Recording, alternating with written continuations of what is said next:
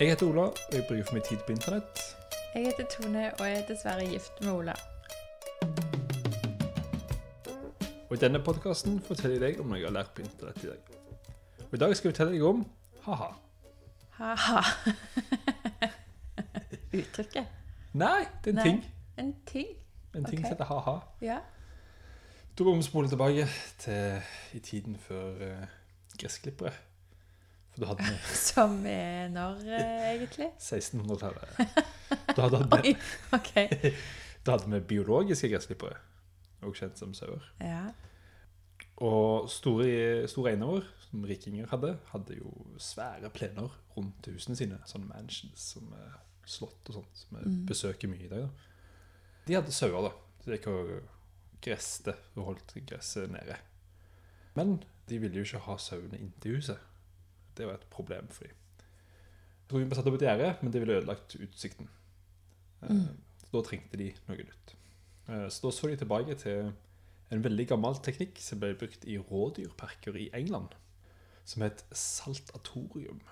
Så det var greia at riggjør de liker å jakte på rådyr, eh, men de liker ikke å jobbe så veldig hardt for det. så de lagde rådyrparker, En innhegning. Ja. ja, som var en innhegning da. Som et, som et naturlig habitat, men så lagde de da et gjerde rundt, sånn at de fikk fange de inne i parken. Eh, Og måten de fangde de på, var å lage en slags sånn enveisgate. Som var et saltatorium. Det er da en um, tenker jeg, en vollgrav. Så er det, jo, det er jo en flat bakke, og så plutselig akkurat som du tar ut en legobrikke av den. Mm. Plutselig stup rett ned, og så litt bort, og så stup opp igjen. liksom. Eh, Det er dette, bare at istedenfor stu på begge sider, så er det bakke på den ene. Sånn at rådyret kan Du gå. kan gå ned, men du kan Rådyret går, så detter det ned, og så kommer det opp igjen. Men så kan det gå videre. Ja. Eh, Så det er en enveisfelle for rådyr. da. Mm. Så det er akkurat høyt nok til at de ikke skader seg og ikke kommer seg opp igjen. Og så er de inne i parken. Smart måte å fange dyr på. Altså, denne teknikken da, den ble dukket opp igjen i nye Frankrike, som da var i USA og Canada, i 1686. Spesielt da på et sted som ligger i Quebec i dag, i Canada. Og byen heter St. Louis du Haha. ja, byen heter det. En by som heter det. Eh, Det er to utropstegn i navnet på byen, eh, som eneste stedet på planeten som har to utropstegn i stedsnavn. Uansett. Denne byen her snudde på dette britiske konseptet for rådyrparkene. Bare andre veien. Så istedenfor å fange dyr, så holdt de dyrene unna. Og uten å ødelegge utsikten. da. Så når du hadde en sånn eh, stor mansion med svære, fine gressplen utfor, så kunne det gå sauer der. Og så på et tidspunkt så ville de gå nedover en bakke og møte en vegg som du ikke ser. ja.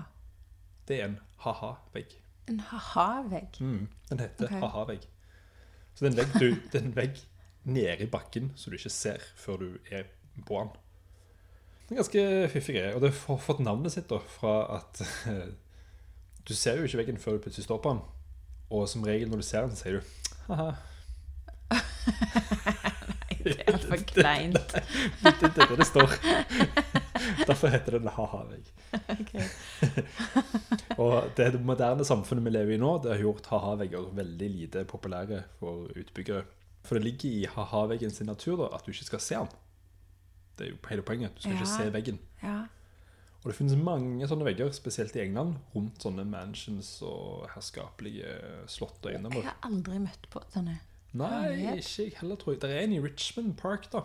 Der har vi jo vært, men jeg Ja. la ikke merke til Men problemet med dette er at sånne steder i dagens samfunn blir brukt til bryllup.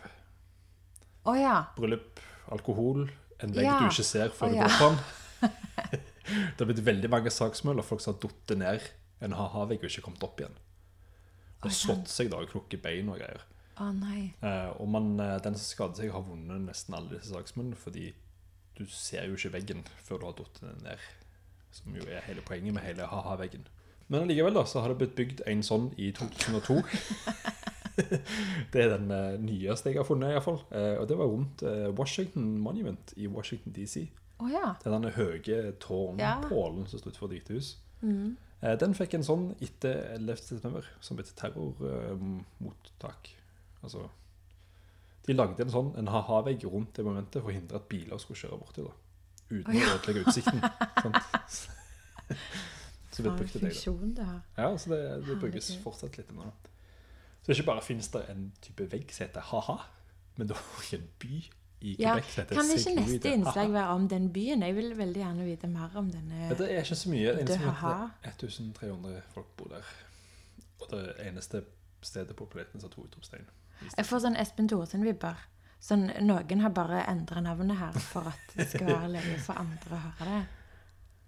Ja, det, kan jo, det kan jo være at siden de fant opp denne veggen der, at de var så stolte av det at de tok det inn i bynavnet. Ja. Men ja. ja. Ja. Fun fact. Veldig out of the blue.